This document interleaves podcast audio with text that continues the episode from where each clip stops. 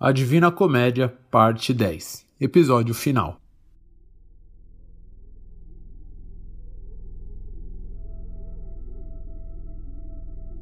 Quem poderia, mesmo fazendo uso da melhor prosa, narrar as cenas de sangue e das feridas que eu vi neste triste lugar? Todas as línguas, por certo, estariam falidas, pois nossa memória e nosso vocabulário não são suficientes para compreender tamanha dor. Nem nos campos de batalha das piores guerras se viu tantos corpos estraçalhados, com deformações e feridas tão terríveis quanto os que povoam aquela nona vala. Continuei a observar a multidão quando vi um corpo que caminhava sem cabeça. Ele segurava sua cabeça pelos cabelos, balançando-a como uma lanterna. Quando chegou junto da ponte, ergueu alto o braço que segurava a cabeça para que a sua fala pudesse ser ouvida. Sou Bertrand de Borneo, gritou, e sofro esta pena monstruosa por ter instigado o jovem rei contra o seu pai. Eu pus o pai contra o filho, e por ter separado aqueles que estão unidos, tive o meu cérebro separado de meu tronco. Ignoramos aquela criatura e corremos até chegarmos a um ponto onde já era possível avistar o vale inteiro. Só o vale. Dentro dele não se via nada por causa da escuridão. Quando finalmente estávamos no meio da ponte que atravessava este último claustro do Malebouge, podemos vê-lo por completo. Amontoados naquela vala estavam centenas de doentes, em seus membros apodrecendo como leprosos. O ar estava dominado por um cheiro forte de carne podre. Descemos por uma via à esquerda da saída da ponte, até chegar a um ponto onde se tinha uma visão mais nítida daquele poço onde são punidos os falsários. A visão era terrível. Por todo o vale se estendiam montes de espíritos empilhados, tão cansados que mal se moviam. Uns se esticavam de bruços ou de costas, outros se arrastavam lentamente, com dificuldade. Passo a passo andávamos sem dizer uma palavra, vendo aquelas almas doentes, incapazes de levantar seus corpos deformados. Vimos dois pecadores sentados, um de costas para o outro, com os corpos totalmente cobertos de sarnas. Eles se coçavam freneticamente, afundando suas unhas na pele e tentando em vão atenuar a coceira que nunca cessava. Vi então um deformado que parecia um violão. Seu corpo estava inchado por uma hidrópsia tão grave que ele não conseguia se mover. A sua boca permanecia sempre aberta, pois não conseguia fechá-la. Um lábio se recolhia para cima e o outro pendia, solto e pesado. Ao perceber que eu olhava, ele falou: Vê a desgraça do mestre Adam. Em vida, tive tudo o que quis. Agora vivo aqui e imploro por uma gota de água. Outra alma ao seu lado gritou: Sou Sino, e por enganar os troianos, vivo este sofrimento. Fiquei horrorizado mas partimos dali. Dando as costas àquele vale miserável, escalamos o rochedo e chegamos à última beira, que atravessávamos em silêncio. A escuridão era imensa e meus olhos podiam ver muito pouco, quando ouvi uma trombeta soar tão forte que parecia o som de um trovão. O estrondo me fez voltar a olhar para o horizonte, onde percebi que pareciam torres de uma cidade. Mestre, perguntei a Virgílio, que cidade é aquela? A escuridão impede de ver o que realmente são essas torres, respondeu. Não é uma cidade. O que vês são silhuetas de gigantes que estão dentro do poço. E por serem tão altos, parte do seu corpo desponta além do nível deste círculo. Dito isso, continuamos a caminhar na direção das torres. À medida que nos aproximávamos da beira do fosso, a neblina se tornava menos densa e os gigantes começavam a tomar forma, aparecendo à minha vista ao mesmo tempo em que meu medo crescia.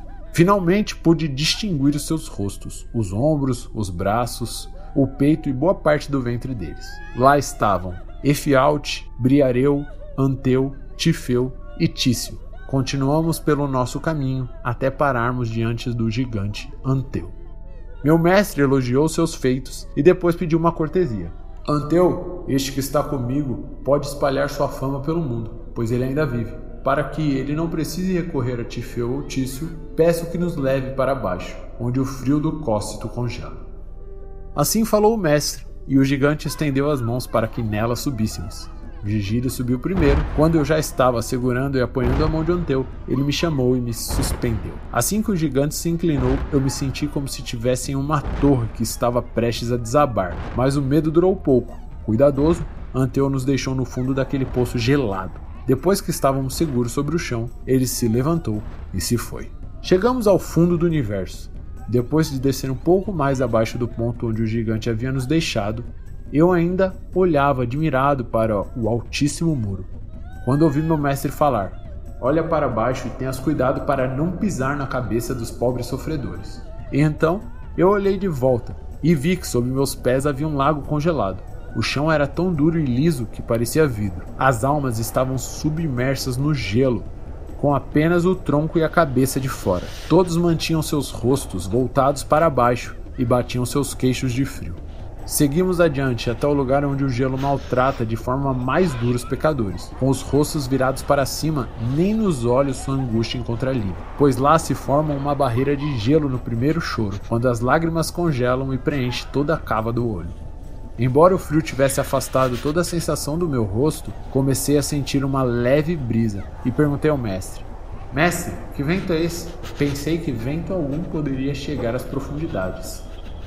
Logo saberás, Estamos diante das bandeiras do rei do inferno, disse-me Virgílio. Olha para frente e vê se consegues discernir.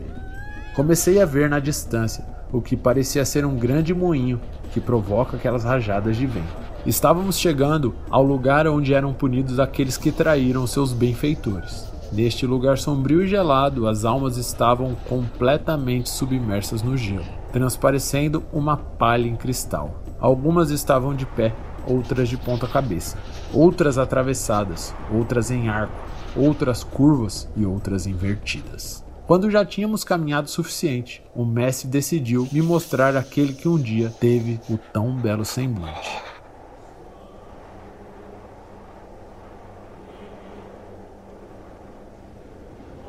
Esse é Dite, disse ele, e este é o lugar que exige toda a coragem que tens em ti. Não me perguntes, leitor, como eu fiquei fraco e gelado, pois não há palavras que possam descrever aquela sensação. Eu não morri, nem estava vivo. Tente imaginar, se puder, como sem uma coisa nem outra eu fiquei. Vi aquele gigante submerso no gelo, despontando seu corpo do peito para cima. Só o seu braço tinha o tamanho de um daqueles gigantes que encontramos na entrada do lago. Fiquei mais assombrado ainda quando vi que tinha três cabeças. Uma era toda vermelha, a da direita era amarela e a da esquerda negra. Acompanhava cada uma um par de asas como as de morcego. Eu nunca vi um navio com velas tão grandes. E ele as abanava, produzindo três ventos. Era esse vento que congelava as águas do Cócito. Ele chorava por seis olhos e dos três queixos caía uma sangrenta baba que pingava junto às lágrimas. Em cada boca ele moía um pecador. A da frente ele mordia mais rapidamente que os outros. Cada ceifada lhe arrancava a pele inteira. Em uma das bocas mastigava Judas. Na segunda, Cássio. E na última, Brutus.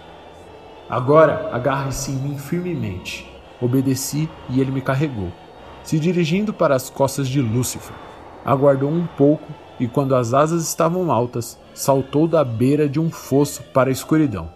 Mas logo agarrou-se às costas peludas do demônio. Estávamos entre as costas de Lúcifer e as crostas congeladas do Cócito. Quando chegamos à altura da junção da coxa ao tronco do gigante infernal, meu guia, já mostrando sinais de fadiga, inverteu o corpo e, sem soltar os pelos do monstro, seguiu como se subisse, me fazendo pensar que voltávamos para o inferno. Segura firme, disse ele, pois não há outro caminho. Só por estas escadas poderemos escapar de tanto mal. E saímos por uma brecha na rocha. Virgílio, visivelmente exausto por ter me carregado, me colocou numa beira para que eu me sentasse. Olhei para cima procurando por Lúcifer, mas não o achei. Encontrei-o lá embaixo, de pernas pro ar, pois o mundo havia se invertido, já que saímos do centro da Terra. Passamos então o resto do dia seguindo por aquele caminho escondido debaixo do chão, sem descanso algum. Depois da longa caminhada subimos, ele primeiro e eu atrás, passando por uma pequena abertura na pedra, para enfim rever as estrelas.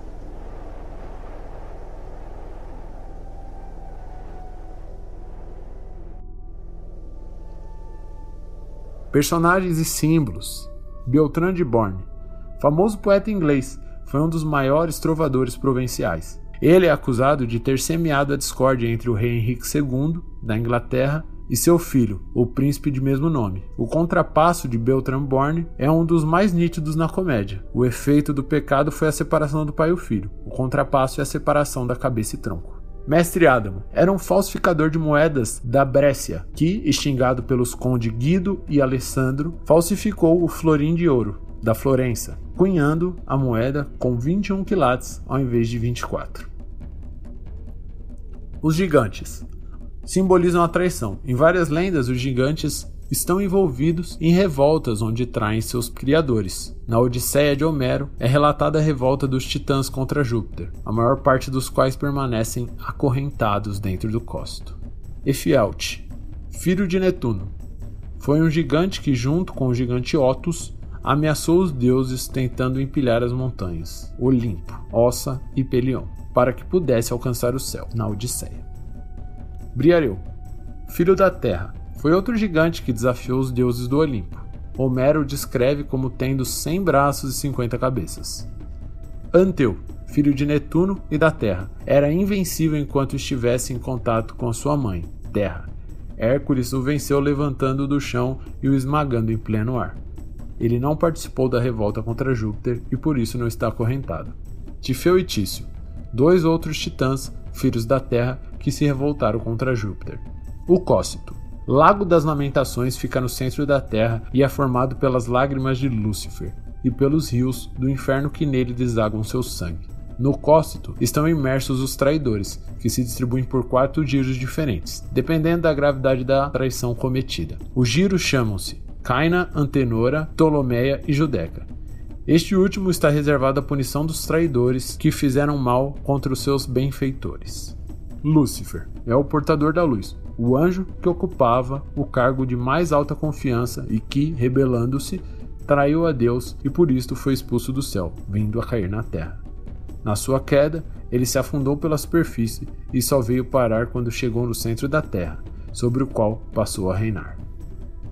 Bruto, político romano que teve grande poder durante o império de Júlio César, entrou para a história ao tramar na primavera 44 a.C a morte de César juntamente com Cássio, tendo conseguido seu intento. Formou um grande exército na Macedônia com a intenção de tomar o poder do Império Romano, mas foi derrotado pelo exército de Marco Antônio e Otaviano, que depois tornou-se imperador. Brutus suicidou-se. Cássio, general romano do exército de Júlio César e um dos líderes da conspiração que levou César à morte, junto com Bruto. Judas Iscariotes foi um dos discípulos de Jesus Cristo conhecido por tê-lo traído, caiu em desespero e suicidou-se.